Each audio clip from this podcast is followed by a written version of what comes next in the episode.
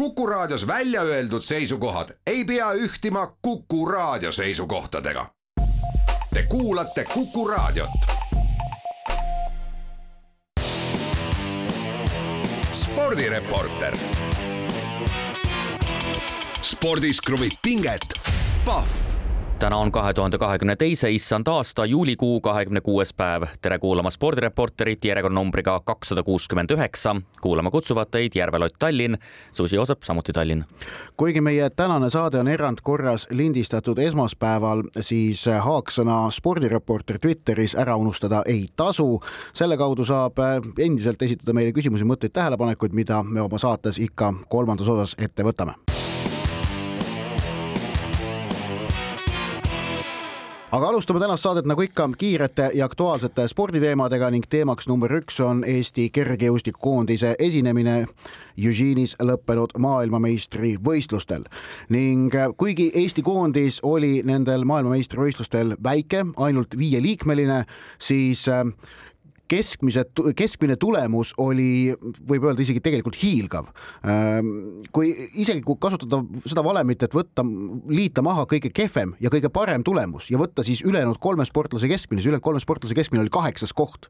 ehk et äh, tegelikult olid siis tulemused järgmised, Karmen Pruus kõrgushüppes seitsmes koht, Maicel Uibo kümnevõistluses seitsmes koht, Rasmus Mägi neljasaja meetri tõkkejooksus kaheksas koht, Johannes Erm kümnevõistluses üheksas koht, Janek Õiglase võistlus ebaõnnestus, tema katkestas kümnevõistluse. aga ja lisaks ka eh, treenerina maailmameistritiitel, nii et. jah, Gerd Kanter tuli treenerina maailmameistriks, Kristjan Tšehhi treenerina Sloveenia ketteheitja juhendajana eh, aga, aga tegelikult ka oli ju Eesti koondise vaatevinklist patt oleks selle MM-i üle nüüd nuriseda no selles mõttes küll, et kui me vaatame neid sportlasi, kellelt me enne maailmameistrivõistlusi väga palju ootasime, siis tegid noh, laias laastus oma ära aga no kui mõtleme näiteks Rasmus Mägi, siis äh, me eelmises saates jõudsime rääkida olukorras, kus äh, ta oli kindlustanud finaalipääsu, aga finaalis, nagu ta ise pärast ütles, et neid tõkkeid on ületatud tänavusel aastal juba päris palju, ehk siis tegelikult oma väga kõrgetasemelist stabiilset vormi ja edasiminekut tänavusel aastal ei suutnud ta päris maksimaalselt maailmameistrivõistluste finaalijooksus realiseerida tulemuseks kaheksas koht. ja no kui vaadata ka kümnevõistlejat, siis Maicel Uibo kaheksa tuhat nelisada kakskümmend viis, vaadates kümmet ala, siis noh, kuulitõukega võib loomulikult väga rahule jääda, viisteist, seitseteist, aga üldiselt noh, selline tegi korralikult oma tulemused ära. no karjääri kolmas tulemus ikkagi kogusumma mõttes, see on noh, jah, mööndus, et äkki võib-olla ei ole neid lõpetatud täisväärtuslikke kümnevõistlusi karjääri jooksul liiga palju kogunenud, aga ikkagi karjääri kolmas tulemus maailmameistrivõistlustel, seitsmes koht, no hea, tegelikult ikkagi hea no ilmselt väga hea, ta ise ka ei kipu endale panema, nagu, nagu ta ka ise pärast võistlust mainis, et, et MM-ile tuleks ikka selle eesmärgiga, et midagi näppude vahele jääks.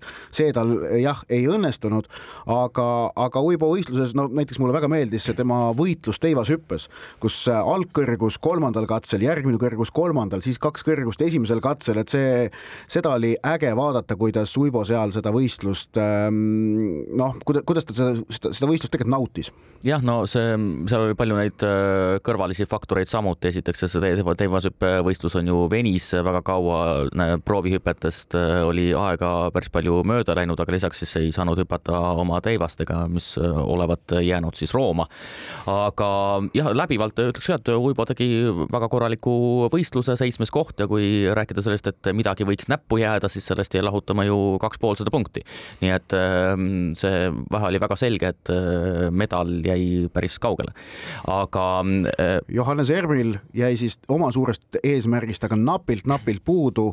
Äh, noh, ta, ta soov oli või eesmärk oli jõuda MM-il kaheksa parema sekka, mis oleks äh, taganud selle kurikuulsa EOK palga, äh, mis on muutunud Eesti spordis kohati ikkagi täitsa juba selliseks kinnisideeks, sellest me jõuame saate kolmandas osas ka veel veidikene rääkida, aga sellest jäi ERM-il lõpuks puudu üheksateist punkti, mis on siis noh, näiteks üks kõrgus teivashüppes. teivashüppes kümme sentimeetrit on kolmkümmend punkti, on ju. et, et, et noh, näiteks see võib, võib siis selleks, selleks kri-, kriteeriumiks olla, aga noh, jällegi üheksas koht MM-il ei ole nüüd noh, no on jällegi ikkagi pigem ikkagi selgelt ju kiiduväärne tulemus jah, kindlasti, loomulikult ERM ka punkti osas oleks tahtnud natukene teistsugust esitust, aga, aga see selleks, et tervikuna jah, kui me rääkisime ka ehm, siin pärast Eesti meistrivõistlusi, et olukord Eesti kümnevõistlejate seas ei ole päris niivõrd roosiline, nagu see võiks olla, arvestades, et meil on siin seitse, kaheksa, tuhande punkti meest. aga no see lõplik oli, ütleme korralik jah, nagu ka Rasmus Mägi esituse kohta võib öelda korralik, Maicel Uibo samamoodi korralik. ütleme siis võib-olla Janek Õiglane õiglane, jah, tema no, läks põrus, samas see intervjuu, mille ta võistluse, enda võistluse järel andis äh, ma arvan, see, see läheb selles, selle sõna kõige paremas mõttes, minu meelest läheb ta nagu siin Eesti spordi sellisesse kullavaramusse, et, et see oli, selle, selle siirus oli nauditav, see oli, see oli eheda sportlase tunnus, kui, kui ennast äh, niivõrd äh, karmilt, aga siiralt äh, suudad analüüsida võistlusel, mis äh, läks nurja ja kus, kus ilmselgelt olid õiglasel väga suured eesmärgid äh, ja, ja, ja soov ennast näidata. see oli, see oli selline ilus hetk spordi valusast poolest oli ja. see õiglase intervjuu? jah, tõesti oli näha, kuivõrd pettunud õiglane oli, aga mis õiglasega juhtus kohe võistluse algus, tegelikult läks võrdlemisi nihu, et kaks esimest ala ja saja meetri jooksus juba see, mis juhtus naelikutega ja, ja nii edasi. ja, ja siis otsus loobuda tuli pärast täiesti ebaõnnestunud kettaheidet ja, ja Teivast enam hüppama ei läinud ja põhjendus oli väga selge, et ta loodab ühe võistluse veel tänavusel aastal teha, kas siis Dalansis või siis Euroopa meistrivõistlustel, kus praegusel hetkel peaks olema selge, et noh, Eesti meister on Uibo, kes peaks peale saama ja lisaks Tilgal on lubatud. ja et... ne ne nemad kaks on põhimõtteliselt praeguse seisuga kindlad ja kolmanda liikme peab Kergejõustikuliidu juhatus siis määrama, et noh, õiglane ja ERM ilmselgelt peamised kandidaadid sellele praeguse seisuga peaksid olema, aga eks siin on veel natukene aega, et siin võivad mingid arengud äh, toimuda. Äh, küll aga on siis meil nüüd rääkimata Eesti koondise hitt hitt ja ütleme ära, et noh, et eh, neljasaja meetri tõkkejooksus selles mõttes eh, mägijooksus juhtus ka suur üllatus, olgugi et me teame, et Warhol oli pikka aega vigastatud, siis üle pikkade aastate Warhol ei võitnud oma jooksu. Ja Dos Santos tuli siis maailmameistriks. Ja kümnevõistluses Damon Warner, kes oli peafavoriit tõmbas jala ära neljasaja meetri jooksus, maailmameistriks tuli Kevin Maier, maailmarekordimees kaheksa tuhande kaheksasaja kuueteistkümne punktiga, aga see keskmine tase sinna kaheksa tuhande viiesaja juurde oli ikkagi väga, väga korralik. aga tõepoolest räägime mägist, räägime uibost ja nii edasi, aga nende maailmameistrivõistluste Eesti sportlaste ikkagi tipphetk oli loomulikult naiste kõrgushüpe ja kahel korral, ühelt poolt loomulikult eelvõistlus, kus Karmen Pruus hüppas isikliku rekordi meeter üheksakümmend kolm, aga finaalvõistlus võistlusel äh, meeter üheksakümmend kuus. Äh, kordas äh, Anna Iljušenko Eesti rekordit, aga ühtlasi kordas ka U kaheksateist vanuseklassi maailmarekordit. Vist öeldakse maailma tippmarki, kui sa no, ütled maailmarekord, siis kergejõustiku puritaanid vihastavad su peale. No jah, vabandust. Okay,. jah, aga see oli vägev võistlus, mille Karmen Pruun, Karmen Pruus finaalis tegi. Ehm, noh, see üks üheksakümne kuue ületamine, mina keset ööd igatahes kodus röögatasin selle peale päris valjult, et, et see oli noh, selline selline, selline vägev emotsioon tekkis sellest ikkagi ja äh, ka see, kuidas Karmen Pruus sellele võistlusele ise tegelikult, mida ta ütles ka pärast kvalifikatsiooni rääkis ja mis ta rääkis ka pärast võistlust, et, et ähm, tundus nagu olevat äh, kõrgushüppe kohta natuke narr öelda, aga kenasti kahe jalaga maa peal oma, oma äh, võistluse ja, ja oma perspektiivi osas Ehm, ja no perspektiiv on ikkagi väga korralik, kui sa siin äh, kahe aastaga sedavõrd äh, kiiresti isiklikku rekordit äh, parandad, aga, aga jah, nagu hea võrdlus on ka muidugi, et kes, mis on saanud nendest, kes on samuti enne kui täisealiseks saavad ületanud meeter üheksakümmend kuus, et neid ehm, arengu, karjääri dünaamikaid on olnud võrdlemisi erisuguseid, ehk siis paljud neist ei ole ikkagi tipptasemel väga läbi löönud. mõned jällegi on, nii et äh, kõik sõltub, äh, kuidas tööd edasi tehakse, aga tundub ka, et kui treener Mehis Viruga tehti intervjuu, siis tundub, et äh, kas selline lähenemine on väga selline noh, toetav ja, ja vaadatakse pikemaajalist perspektiivi ja võrdlemisi rahulikult vaadatakse, kuidas see areng, areng välja joonistub. aga maailmameistrivõistluste seitsmes koht, noh, seitsmeteistkümne aastasena, see, see on väga era, erandlik Eesti spordis ja, ja üks asi veel, mis nüüd, mida Karmen Pruusi seitsmes koht tegi, oli, et ähm, järjekordne tippvõistlus kus äh, Eesti, Eesti koondise tipptulemuse eest hoolitseb äh, naissportlane. eelmise aasta Tokyo olümpiamängud, äh, medalid tõid naisvehklejad, tänavune Pekingi taliolümpia, medali tõi Kelly Sildaru. noh, kergejõustiku mm ei ole olümpia, aga ta on ikkagi vaieldamatult Eesti spordimaastikul üks, üks väga-väga-väga tähtis võistlus ning tipptulemuse eest hoolitses Carmen Bruus, kelle kohta. no Maicel Uibo oli ka seitsmes jaa, aga ma ütlen, et Bruce'i seitsmes koht oli vägevam no kindlasti oli em emotsionaalselt kindlasti jah. kusjuures ma ei ole nüüd võrrelnud, mis need IAF-i punktitabeli järgi, et kumma punktide eest saab nagu kõrgemaid äh, skoore, kas äh, Uibo, Uibo kümnevõistlus tulemus või Bruusi üks üheksakümmend kuus, aga see Bruusi üks üheksakümmend kuus tundub äh, olevat ka vägevam tulemus kui, kui Uibo, mis ta oli nüüd, kaheksa tuhat nelisada. kakskümmend viis. jah ähm,, seda ka, aga, aga Karmen Bruusi see seitsmes koht tähendab ka seda, et ta nüüd kahtlemata üpriski automaatselt muutus selliseks pideva tähelepanu objektiks Eesti spordimaastikul. jah, ja nagu me teame, siis neid naiskõrgushüppajaid võib peale tulla veel päris omajagu, nagu ka näiteks naiskaugushüppajaid, aga sedapuhku nagu ka eilsed äh, ajalehed pajatavad äh, siis Eestil äh, kettaheitjaid või odaviskajaid välja panna ei olnud. Ähm, ehk siis meie nii-öelda paraadalad on äh, noh, tagaplaanil äh, antud hetkel vähemasti, küll aga kettaheitega võime siis nagu öeldud, seostada vähemasti ühe kaudse maailmameistritiitli Gerd Kanteri debüüt, debüütmedal siis nii-öelda. ja Kristjan Tšehhi mm, juhendajana MM-kuld ja Äh, noh, Tšehhi võistlus oli, oli, oli, oli kõva, oli vägev, seitsekümmend üks, äh, üheksateist, kui ma nüüd ei eksi, ma peast jällegi ütlen, või oli seitsekümmend üks, kolmteist. Äh, Sloveenia võidutulemus oli ning edestas ta kahte leedukat, seitsekümmend üks, kolmteist ikkagi jah, kusjuures siis Mykola Zalekna, üheksateistkümne aastane Virgilius Zalekna poeg, kuuekümne üheksa, kahekümne seitsmega võitis hõbeda. nii et kettaheites on selgelt näha põlvkondade vahetust, kahekümne kolme aastane Tšehh, üheksateistkümne aastane Alekna kaks kõrgemat kohta võtsid, aga nüüd me läheme edasi teema juurde number kaks. Anett Kontaveit jõudis tänavu kolmandat korda WTA turniiril finaali. Hamburgi turniiri finaalis kaotas Kontaveit ameeriklannale Bernarda Perale kindlalt kahes setis kaks-kuus, neli-kuus, kusjuures maailma edetabelis alles üheksandas kümnes paiknenud Pera oli enne seda võitnud üksteist kohtumist järjest, kõik need ka kahes setis, ehk siis enne Hamburgi võitis ta ka Budapesti turniiri ja Anett Kontaveit, arvestades, äh, missugune periood on selja taga olnud, äh, kuivõrd palju probleeme on olnud, äh, et tal on ka uus treener Torben Pelts, siis väga palju häid selliseid noh, indikatsioone sellelt turniirilt, aga, aga nüüd tuleb lihtsalt tähelepanu pöörata ka sellele, et hakatakse valmistuma juba aasta viimaseks Suure Slami turniiriks, ehk siis kolitakse kõva kattega platsile Anett Kontaveit võitis eelmisel nädalal rohkem kohtumisi kui eelneva nelja kuu jooksul kokku, ehk et ta võitis Hamburgis neli matši, eelmise kolme kuu jooksul oli talle kogunenud ainult kolm võitu, tõsi, ta oli mänginud ka ainult viiel turniiril, äh, sellepärast et äh, hai-, haiguse ja tervisemure tõttu ta oli mitmeid võistlusi vahele jätnud. et tema koormus oligi olnud äh, väga, väga tagasihoidlik, aga ikkagi, et see võidurütm tagasi õnnestus saada, see on kahtlemata väga tähtis, juba täna jätkab Kontaveit siis võistlushooajaga, mängib ta Prahas, esimese ringi vastane grusiinlanna Ekaterine Gorgodze.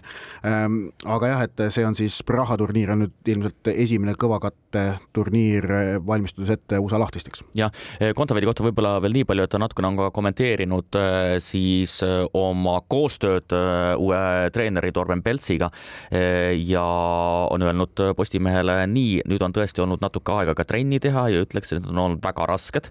samas olen väga rahul sellega, kuidas ta mind trennis push ib ja kui nõudlik ta on, oli siis Kontoveidi enda kommentaar, aga selgelt ikkagi see füüsiline konditsioon pärast äh, äh, haigust äh, on olnud äh, kesine eelmistel turniiridel, nii et äh, Äh, see turniir, et, et ta ka tegelikult lõpuni välja suutis äh, korralikul tasemel tennist mängida ja, ja minu arvates vajadusel suutis ka pidevalt mängu taset nii-öelda juurde panna, et seda oli, oli äh, hea näha. ja muideks, kui maailma edetabelis on Kontaveit jätkuvalt teine, siis jooksvas edetabelis, et olgugi, et tänavusel aastal pole Kontaveidil väga hästi läinud justkui, arvestades seda mullusega, mulluse aasta lõppu, siis on ta jätkuvalt kaheteistkümnes, nii et tegelikult see seis ei ole sugugi, sugugi halb.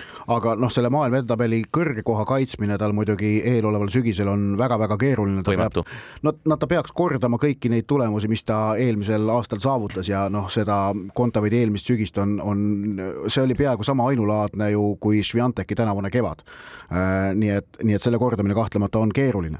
aga teema number kolm ning läheme jalgpalli juurde, sellepärast et Eesti jalgpalliklubidest olid eurosarjade konverentsiliiga teises eelringis eelmisel nädalal väljakul nii FC Levadia kui ka Paide linnameeskond. kui Levadia jätkas pettumuse lainel, kui nad kuu aega tagasi kaotasid Islandi meistrile Viikinguri, Reykjaviki Viikingurile üks-kuus, siis sedapuhku Malta meistri Paula Hiberniansi vastu tehti kehv esitus ja kaotati võõrsil kaks-kolm ja tuleb tõdeda, et noh, et Levadial vedas. mõnevõrra vedas, et nad sealt üheväravalise kaotusega tulema said, mängupildi järgi oleks see kaotus pidanud, pigem pidanud olema kaheväravaline, aga see kahtlemata annab nüüd neljapäevaseks kordusmänguks kodus paremad šansid edasipääsu püüda. Paide linnameeskond julgen öelda, et tegi aga järjekordse üllatuse ja vägeva esituse ehk et tuletan meelde, eelmises e ringis lülitasid nad välja Tbilisi Dinamo, keda võõrsil kolm-kaks võideti. nüüd tehti Armeenias Jerevani Ararat Armeeniaga null-null viik, väga keerulistes tingimustes, ülituulistes tingimustes see mäng peeti. aga see viik oli Paidele kõva tulemus ja teenisid nad Eestile ka tähtsaid edetabelipunkte ehk et neid antakse eurosarjades positiivsete tulemuste ehk viikide või võitude eest, kaotuste eest antakse null, mille, mille Levadia on jätkuvalt Eestile sel aastal null null punkti teeninud sealt jah, e, no kui vaadata Levadia mängu, siis tõesti noh, ma tooksin välja ka selle peatreeneri äh, kommentaari pärast kohtumist, et esimene poolaeg oli siis nii-öelda tema süü, et läks alt, aga see esimene, esimene pool oli tõesti, tõesti nigel. Ja mäng tervikuna tõesti, ma olen nõus, et siin ikkagi vedamist on palju, et, et veel ja päris, päris lõpu eel lasti ju endale üks-kolm lüüa ja siis veel, veel Le. Levadia mure on ka see, et nad on ikkagi, nende koosseis on selgelt Äh, hõrenenud. Äh, lahkunud on Bogdan Vassiuk, Mihkel Ainsalu ja Frank Liivak ning äh, suvises üleminekuaknas praegu meeskonda kedagi juurde toodud ei ole ähm, proovitakse, tuleb tunnustada seda, et nad on proovinud enda duubelmeeskonnast nüüd mängijaid veidikene esindusse tuua ja, ja neile ka usaldust ja mänguaega anda, aga, aga välja pole seni eriti veetud, ehk et natukene liiga hilja on see, on see esindusse toomine olnud. Paidel, Paide eelis on aga vastupidi olnud see, et nad eurosarjas, nad on, on Karel Voolaid väga oskuslikult kasutanud vahetusmängijaid, nad on, nad on kõikides mängudes eurosarjas teinud viis vahetust ära või lubatud isegi kui kodus lisaajal läks, tegid kuus vahetust ja nende vahetustega suudab Paide mängule anda uut vunki äh,, uut hoogu ja, ja sellega on nad väga targalt mänginud mänginud, eks näha, kuidas nüüd neljapäeval kogu Pärnu, Pärnus, kus Paide oma kodumängu peab, Jerevani satsi vastu läheb. no Paide esituse puhul ikkagi nii, et äh, mänguklass, äh, olgu seal muutujaid oli päris palju, et ikkagi ütleme, see mängu domineeris rohkem ja ka pealelööke tegid rohkem ikkagi vastased, aga, aga minu arvates äh, noh, väga kainelt mängiti. pragmaatiline. jah, väga pragmaatiline jalgpall ja, ja no antud juhul, kui sa võõrsil mängid sellise satsi vastu, siis see on paratamatu, et nii peabki lähenema. aga läheme edasi ja neljas teema pühapäeval lõppes arvult saja üheksas ja nagu traditsiooniliselt öeldakse, ümber Prantsusmaa velotuur, mis tõsi, ümber Prantsusmaa otseselt ei lähe, aga, aga see selleks. ja võitis, no ikkagi vaadates arvamusi enne tuuri, siis mõnevõrra üllatuslikult, aga, aga ega see suur üllatus siiski pole, sest Jonas Vingekoo oli üks suur favoriit ilmselt suurim favoriit eh, eh, Tadej Pogačari kõrval, aga Vingekoo võitis teise taanlasena Tour de France'i ja kahekümne viie aastane Vingekoo edestas siis Tadej Pogačari pea kolme minutiga. no ikkagi korralik jõudemonstratsioon, kui ta üheteistkümnendal etapil võitis ja tõusis liidriks ja, ja kui Pogacar ühel etapil äh, ikkagi korralikult aega kaotas, siis äh, ütleme nii, et kogu see tuur, nagu hilisemalt on ka siin välja toodud, oli Jumbo-Visma äh, tuur, et tegid, mis tahtsid. jah küsimus, kas, kas, kas Tour de France'il ja jalgrattaspordil on üldse lootust pääseda dopingu küsimustest, ka, ka selle Tour de France'i järel äh, Jumbo-Visma ratturid ja ajal pidid vastama küsimustele, et kas te olete puhtad, et te nii võimsad olete. ja, ja nad, nad vihastasid selle peale äh.... no mina ütleks, et Vingekoo ise oli väga rahulik, siis kui ta küsiti midagi no, sellist. aga Wout van Aert, äh, meeskonna, meeskonna ka üks, üks sõitjatest, et, et. suurimaid staare. jah, tead, et see küsimus tuleb iga aasta tagasi, et tänu, kas tänu sellele, et me oleme niivõrd head, peame me kogu aeg ennast kaitsma, et ta ei saa sellest aru. paraku lihtsalt on seis vist see, et, et Tour de France ja jalgrattasport on selle pleki kunagi niivõrd vägeva külge saanud läbi Lance Armstrongi ja, ja teiste meeste. oi, neid on palju jah. jah, et, et, et seda ongi keeruline maha pesta jah, et äh, tõesti, kui räägitakse mingite perioodide äh, puhul, et Tour de France'i stardis olid ikkagi noh, peaaegu sada protsenti inimesed olid ikka äh, kasutanud keelatud võtteid ja tegid seda väga süstemaatiliselt, siis loomulikult nii lihtsalt sellest plekist ei, ei pääse. Ja, ja paratamatu on see, et kohe, kui me räägime jalgrattaspordist, Tour de France'ist, sellist ebainimlikust pingutusest, siis need seosed tekivad ja sellega peavad kõik tippsportlased, ratturid arvestama spordireporter. spordis kruvib pinget, Pahv spordireporter jätkab ning viienda teema puhul pöördume tagasi kergejõustiku maailmameistrivõistluste juurde. kui saate alguses rääkisime Eesti koondise esinemisest, siis või, nüüd vaatame otsa kergejõustiku maailmameistrivõistlustele üldisemalt. kaheksateistkümnendad kergejõustiku maailmameistrivõistlused olid esimesed, mis toimusid Ameerika Ühendriikides, mis on teatavasti kergejõustiku MM-i ajaloo pika puuga kõige edukam riik ja oli kõige edukam riik ka tänavusel MM-il. Äh, maailmameistrivõistlustel püstitati kolm maailmarekordit. Äh, esmalt naiste neljasaja meetri tõkkejooksus Sidi McLaughlin ajaga viiskümmend koma kuuskümmend kaheksa, siis naiste saja meetri tõkkejooksu poolfinaalis Toby Amusan, nigeerlanna ajaga kaksteist koma kaksteist, ületas eelmise maailmarekordi null koma null kaheksa sekundiga, kusjuures finaalis oli ta veel kuue sajandiku võrra kiirem, aga siis oli lubatud suurem taganttuul ja, ja see maailmarekordina enam kirja ei läinud läinud.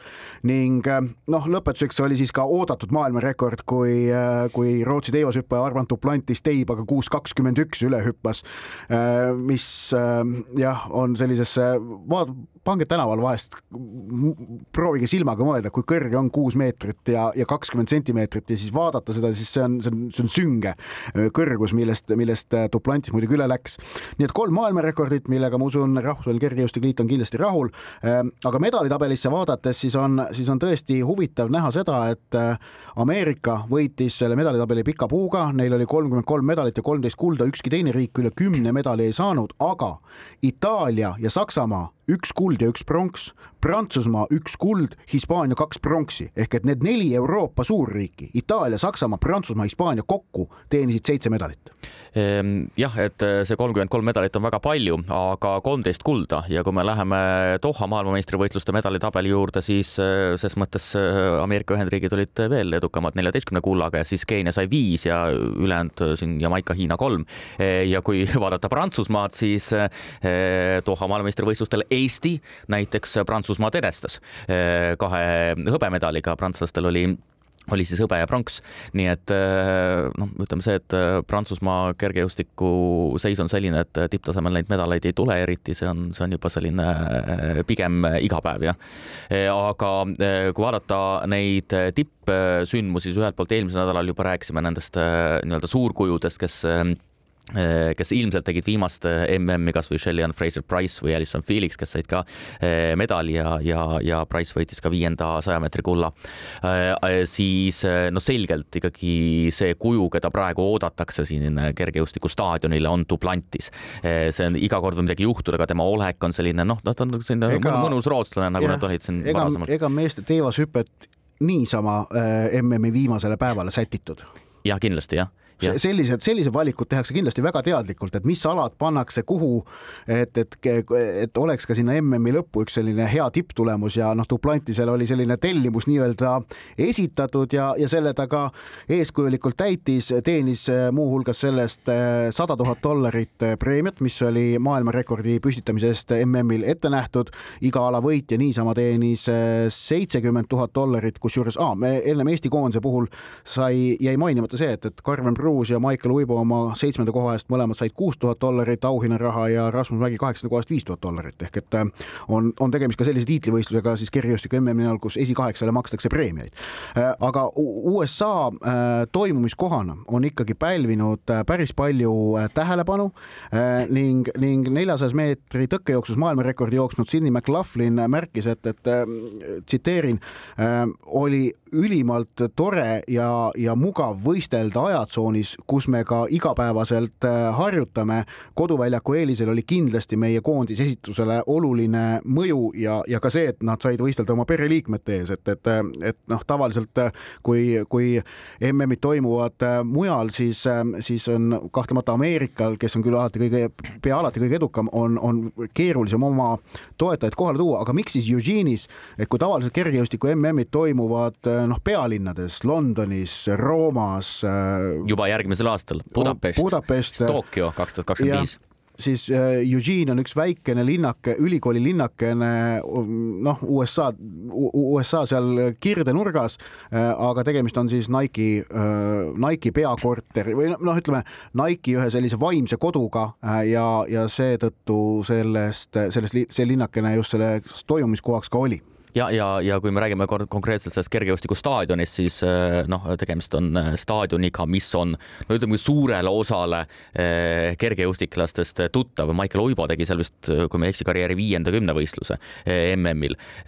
Duplantis, ma arvan, et on võistelnud seal, ma ei tea, kui palju kordi, ehk siis tegelikult see on staadion, millega kõik on nii ehk nii tuttavad.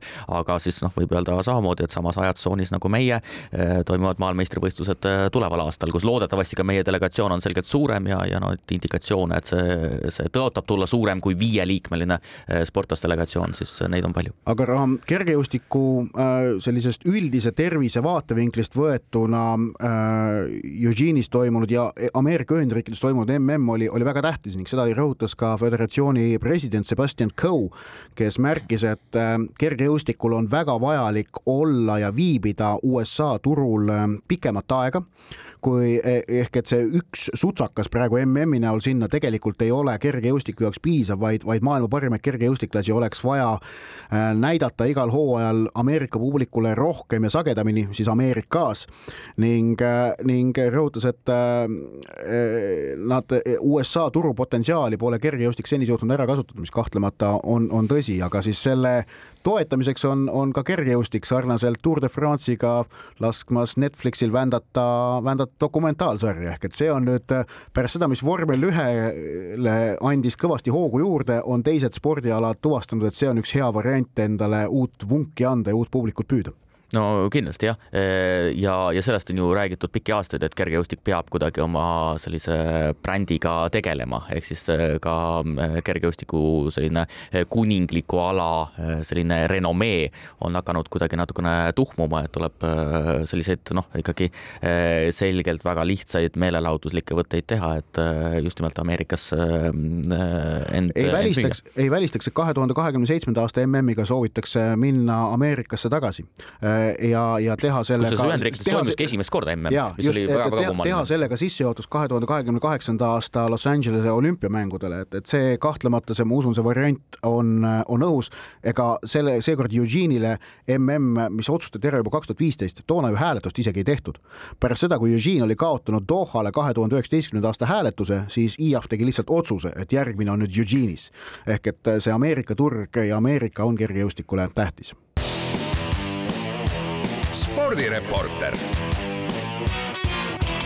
spordis kruvib pinget, Pahv spordireporter jätkab ning meie saate kolmas osa kuulub nagu ikka kuulajatelt laekunud küsimustele. Joosep Susi ja Ott Järvela jätkuvalt Kuku raadio Tallinna stuudios äh,. alustame küsimusega, mille on esitanud äh, Siim ning mis puudutab jalgpalli. naiste Euroopa meistrivõistlused on jõudnud poolfinaalideni. kas nüüd tuleb lõpuks tiitel koju ning lisaks tahab Siim paluda spordireporterite hinnangut ETV kommentaatorite tööle võtame esimese küsimuse ennem. Äh, jah, äh, no kõigepealt äh, võiks öelda, et kuigi võis eeldada, et mõni veerandfinaal on võrdlemisi ühepoolne, näiteks Saksamaa-Austria, siis tegelikult kõik neli veerandfinaali olid väga tasavägised. kaks läksid lisaajale välja ja võib-olla siis kõige suurem üllatus oli just nimelt see, et tiitlikaitse, kaitse Holland Prantsusmaale kaotas, aga, aga no, aga mitte olnud, ka, mitte ka eriti suur. no ei olnud üllatus, ma, ma, ma mõnes, ma nimetaks kõige suuremaks üllatuseks selle, et Belgia suutis Rootsit üheksakümne teise minutini nulli peal hoida no minu arvates üks suuremaid üllatusi oli see, et Austria suutis äh, Saksamaaga väga kaua hästi mängida, kuni siis tõesti lõpus äh, väravahi eksimus äh, tegi nagu skoori selgeks.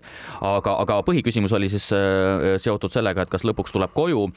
tõepoolest Inglismaa ja Rootsi mängivad homme õhtul Sheffieldis esimese poolfinaali ja siis ülehomme juba või et jah, täna õhtul. täna õhtul on Rootsi-Inglismaa jah, ja homme on Saksamaa-Prantsusmaa. jah, me lihtsalt salvestame esmaspäeval seda saadet, aga jah, et kui vaadata Inglismaa mänge alagrupi turniiril ja ka Inglismaa esitust siis, kui nad lõid ära hispaanlastele eh, viigivärava, siis võiks öelda, et niivõrd ladusat, eh, ilusat eh, jalgpalli teised satsid pole minu arvates mänginud, ehk siis võimalus on, võimalus on selge Inglismaal esimest korda aga Inglismaal on selgelt, ma jätkuvalt jätkan selle, jätkan selle trummi põristamist, mida ma siin EM-i algusest saadik olen teinud, et Äh, Inglismaal teatavasti vahet ei ole, kas on siis meeskonna või naiskonnaga tegemist on, aga selline ainulaadne omadus oma võistkonnale tohutu surve peale panna, mille all kõik Inglismaa võistkonnad seni läbi aegade peale üheksa, tuhat üheksasaja kuuekümne kuuenda aasta meeskonna on ka murdunud.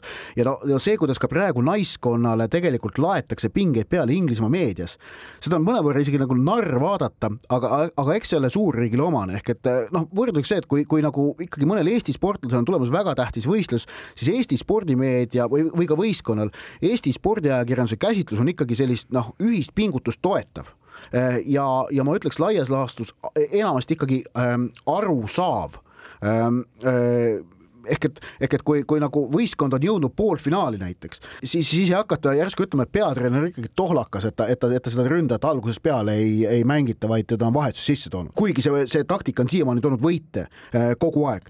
noh, praegu näiteks äh, on, on, käib ju äh, arutelu, et kas tänases mängus Rootsi vastu, kas Ellen Toon peaks alustama Ellen White'i asemel, kuigi noh, on selgelt näha, et Ellen White'i roll algkoosseisus on Inglismaa mänguplaanis täiesti noh, mõistlik mõistlik, äh, mõistuspärane, aga, aga noh, sellist asjatut survet tekitatakse ja visatakse üles äh, pingeid. no Eesti äh, ütleme ajakirjanduse kohta mul ikka on meeles ühe Eesti kergejõustiklase kommentaar, et Kaljuveer küsis, et palju hüppad. no ma hakkasingi mõtlema, palju hüppan, üldse ei hüpanud aga, aga jah, et Gareth Southgate näiteks meestekoondise peatreenerit on kiidetud just seetõttu, et tal on väga hea võime neid pingeid meeskonnasiseselt äh, maandada. jah, äh, aga mis mulle Inglismaa äh, treeneri osas jällegi meeldib, et ta nagu näitas ka mäng Hispaaniaga. ta suutis, ta suutis võhetustega mängu muuta. kõige, kõige suuremad kujud võttis kohe, kohe ära sisuliselt platsilt. no sest ja... Hispaania tegi väga hea mängu tegelikult, kuni kuuekümne viienda minutini. ei kartnud teha julgeid otsuseid, nii et jah. nii et kas tuleb koju, eks ole näha, aga ütleme nii, et tore no, oleks Rootsi, näha, tore Rootsi... oleks näha Inglismaa Prantsusmaa-Saksamaa finaali, vaat see oleks juba see. no senise turniiri põhjal kaks kõige, äh, kuidas öelda, äh, vaimustavamat võistkonda on ikkagi olnud Inglismaa ja Prantsusmaa, äh, aga kes on ka mõlemad oma poolfinaalides soosikud, aga samas on selge see, et noh, Rootsi oma selle võidu kogemusega on Inglismaa jaoks väga ebamugav vastane ning Saksamaa, kes mõnevõrra üllatuslikult on poolfinaali jõudnud, prantslannadele ka kindlasti midagi niisama ei kingi, kuigi Prantsusmaa tundub, et on, on päris päris hea, et nad said sellest oma veerandfinaali krambist üle, nii. aga Siimu äh, küsimuse teine osa on siis seotud äh, sellega, et me peame andma hinnangu Eesti Televisiooni kommentaatorite tööle. kommenteerinud on siin äh, Anu Säärits, Kaet Süvari kohtumist Prantsusmaa-Holland näiteks. no noh, tervikuna on, on see hinne nagu väga-väga madal, et see noh, loogiline oleks ikkagi, et Euroopa meistrivõistluste finaalturniiri kohtumisi alates veerandfinaalides kommenteerivad kommentaatorid kommentaatoreid, kes on jalgpalli ka eh, pidevalt kommenteerinud, näiteks nagu ka meeste turniiril et ei saa sellest äh, lükkest aru ja no ikkagi väga kesine on see. Äh,. no tõesti tundub, et äh, mängu enda dünaamikat ei äh, jagata, eriti ei suudeta ka tegelikult nagu kontrollida seda äh,, mida öeldakse, nii et see on päris, päris piinlikult, no natukene meenutab ikkagi sellist noh, jalgpallireportaaži paroodiat kahju on see, et jalgpallistuudiot ei ole, mis noh, eelmise aasta EM-finaalturniiri ajal kõik taktikalaud sai ju, sai ju äh, tavapäraseks jalgpalliülekande, ERR-i jalgpalliülekande osaks ja, ja seda me näeme ka Premium-liiga ülekannete puhul, et seda kasutatakse, et kahju, et seda, seda nüüd siin naiste EM-finaalturniiril ei ole. Läheme küsimustega edasi. Klaara pärib kas Eesti naiste epee-vehklemine ongi nüüd katastroofilisel kombel oma otsa leidnud, nagu Eesti Päevalehest lugeda võis? no tõepoolest, eelmisel nädalal Jaan Martinson Eesti Päevalehes avaldas kommentaari pealkirjaga EP naiskond katastroofi lävel, kas olümpiakohtade eest hakkavad võitlema amatöörid ja Tihvert.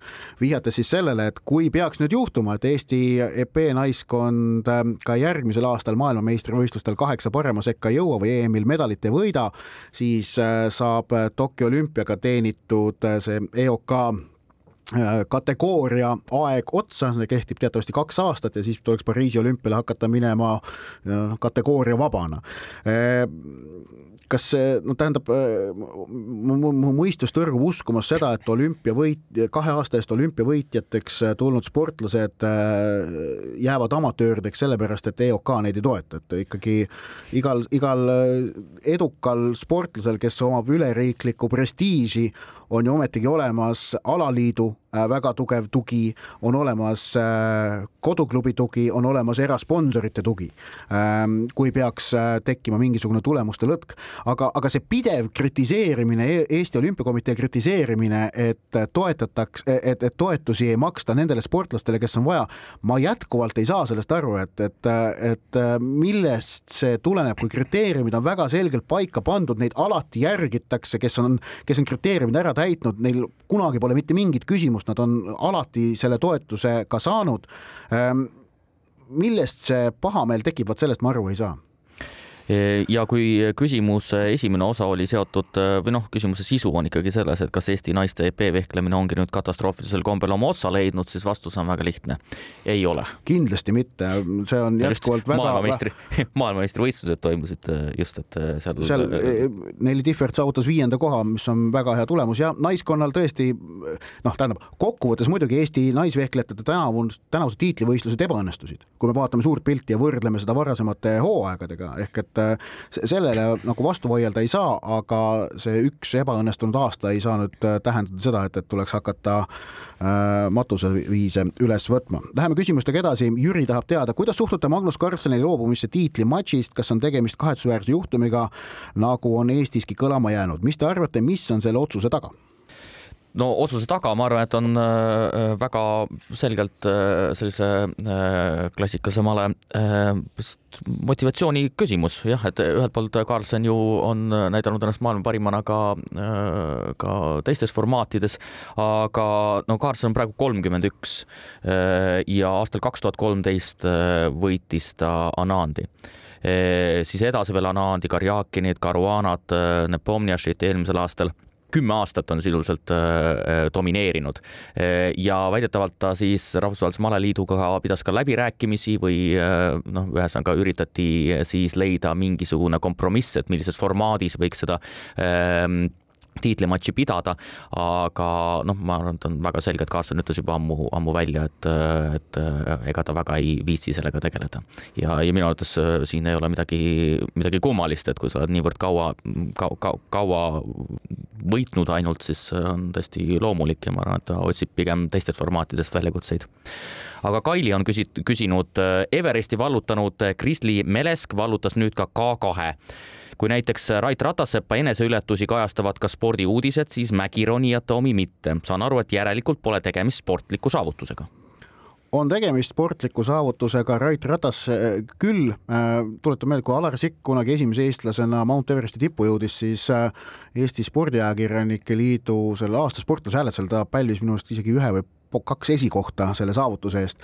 aga, aga noh, Rait Ratassepa kajastatakse sellepärast, et Rait Ratassepp ise näeb väga palju vaeva selleks, et tema, tema tegemisi äh, ja neid, äh, neid pingutusi kajastatakse äh, aga noh, traditsioonilise tippspordiga kahtlemata tegemist ei ole. sportliku saavutusega on loomulikult on tegemist sportliku saavutusega, aga lihtsalt küsimus ongi, et spordiajakirjandus näiteks, kui see on toodud välja siin konkreetselt, ikkagi keskendub taoliselt võistlussituatsioonidele ja otseselt võistlust peale võistluse iseendaga seal, seal selles mõttes ei ole, iseenda ja loodusega. aga loomulikult sportlikust perspektiivist on see väga põnev näha ikkagi maailma kõige keerulisemate mägede otsa ronijat sportlasena, see on väga oluline spordireporter. spordis kruvib pinget, Pahv spordireporter alustab oma äh, lõpusirgega ning meie saate viimaseks teemaks oleme sedapuhku äh, valinud äh, jutuaine, mis on ka viimase pooleteise paari nädala jooksul maailmas ja maailma spordimeedias omajagu tähelepanu pälvinud, kuigi tegelikult varjatult või siis niimoodi noh, pidevalt mingil määral on see on see ikkagi kogu aeg pildil olnud juba eelmise aasta Tokyo olümpiamängudest saadik ja ajendiks toona oli naiste tõstmise raskekaalus võistelnud äh, äh, transsoolise Laurel Hubbardi äh, juhtum. Uus-Meremaa naistõstja või siis äh, endine meestõstja, nüüdne naistõstja, igatahes naiste seas ta võistles. Äh,. toona küll tulemuskirja ei saanud, kuigi ta läks äh, olümpiale vaata et pea suurima kullasoosikuna. Äh,, aga tema kohalolek olümpial ja see suur tähelepanu, mida ta seal pälvis, ähm, tõstis taaskord ülesse ja akuutselt ülesse teema tippsport ja sugu. Ehk kuhu tuleb tõmmata jooned ja piirid, et säiliks aus konkurents ja see transsooliste küsimus on olnud äh, Rahvusvahelisel Olümpiakomiteel äh, nii-öelda laual või sellega on väga intensiivselt viimastel aastatel tegeletud ja, ja on ka uued regulatsioonid äh, välja pakutud. aga jah, kõik see tõustu, tõukub loomulikult sellisest üldisest arusaamast, et nüüdiskultuuris ka mm, muuhulgas transsoolistel inimestel peaks olema tagatud võimalus end teostada ka tippsportlasena tippspordis. aga loomulikult tippspordis tekitab see kohe väga palju külgnevaid äh, teoreetilisi kohti, et kuhu siis äh, piir tõmmata, näiteks, et kas piisab hormoonravist või on tarvilik ka soovahetusoperatsioon, kuna see hormoonravi tuleb teha, kas reeglid on ainult nii-öelda testosteroonipõhised või, või, või mitte.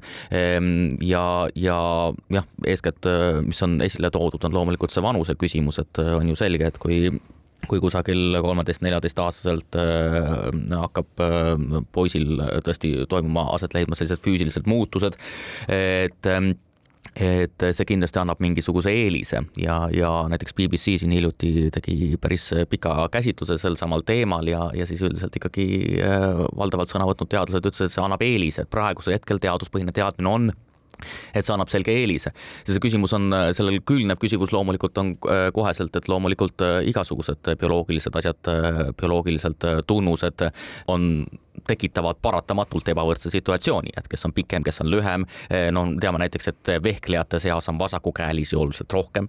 Ehm, et väike eelis või siis boksis me ei kujuta ette, et noh, väga suur mees ja väga-väga-väga väike mees omavahel hakkavad boksima, et ikka tehakse eraldi grupid ja nii edasi et neid teoreetilisi küsimusi, mis siin tegelikult noh, ümber on ja neid probleemkohti on loomulikult väga palju mm, rahvusvaheline olümpiakomitee pole tahtnud selles küsimuses ähm, seisukohti, konkreetseid seisukohti võtta, vaid nagu ikka, on proovinud laveerida, mitte, mitte ja mitte kedagi pahandada, äh, vaid, vaid proovida öelda kõigile jah äh, ja lükanud vastutuse spordialade endi peale ja nüüd on eh, viimase kuu aja jooksul on olnud näha, et eh, suured spordialad on selle vastutuse nüüd ka enda kanda võetnud. esmalt ujumine tegi otsuse, et sugu vahetanud naised, need, kes varem on olnud mehed, tippujumises võistelda ei saa.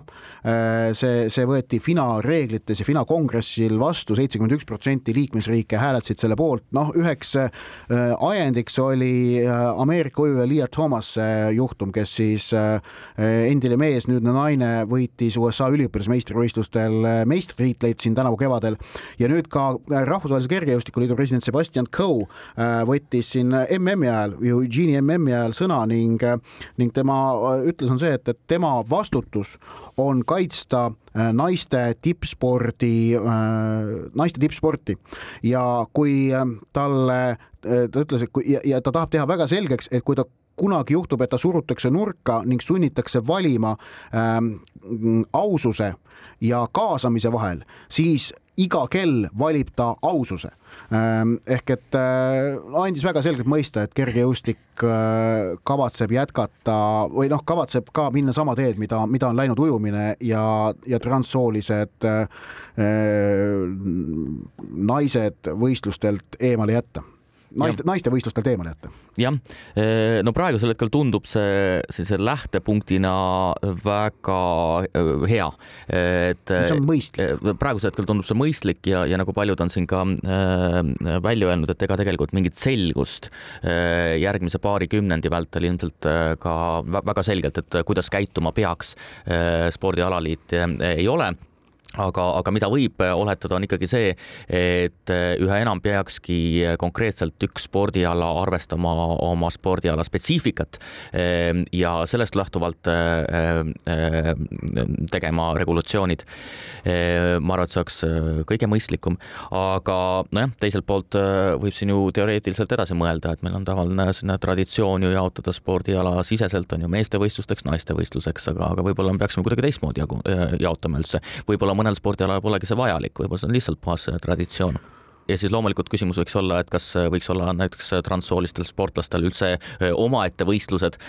no siis ma võin tuua ühe, ühe hea. kindlasti hea... võib, aga, aga, aga probleem on seal see, et, et kust leida, kust leida sportlasi ja tekitada piisav konkurents ehk et noh, et aga teeme noh, vastuargument on, aga teeme siis kolmanda võistlusklassi olümpiale, aga, aga noh, tähendab võistlusklassi tegemine mõne sportlase jaoks see on absurd. no ma lihtsalt tsiteerin siin ühte, ühte teadlast, kes on sõna võtnud sel teemal.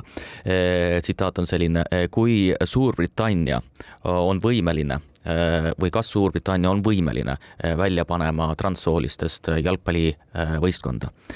kui on, siis kas leidub ka mõne teise riigi transsoolise jalgpallimeeskonda või siis mängib Suurbritannia üksi või kas Suurbritannia transsooliste jalgpallivõistkonnal on kellegagi mängida vot sellised jutud meil spordireporteri lõpetuseks täna. Äh, liigume soovituste juurde, minu soovitus on jälgida neljapäeva õhtul Paide linnameeskonna matši Jerevani Ararat Armeeniaga, kel võimalik, minge Pärnusse koha peale vaatama. mina soovitan äh, pühapäeval äh, Wembley staadionil toimuvat naiste Euroopa meistrivõistluste finaalkohtumist kaeda.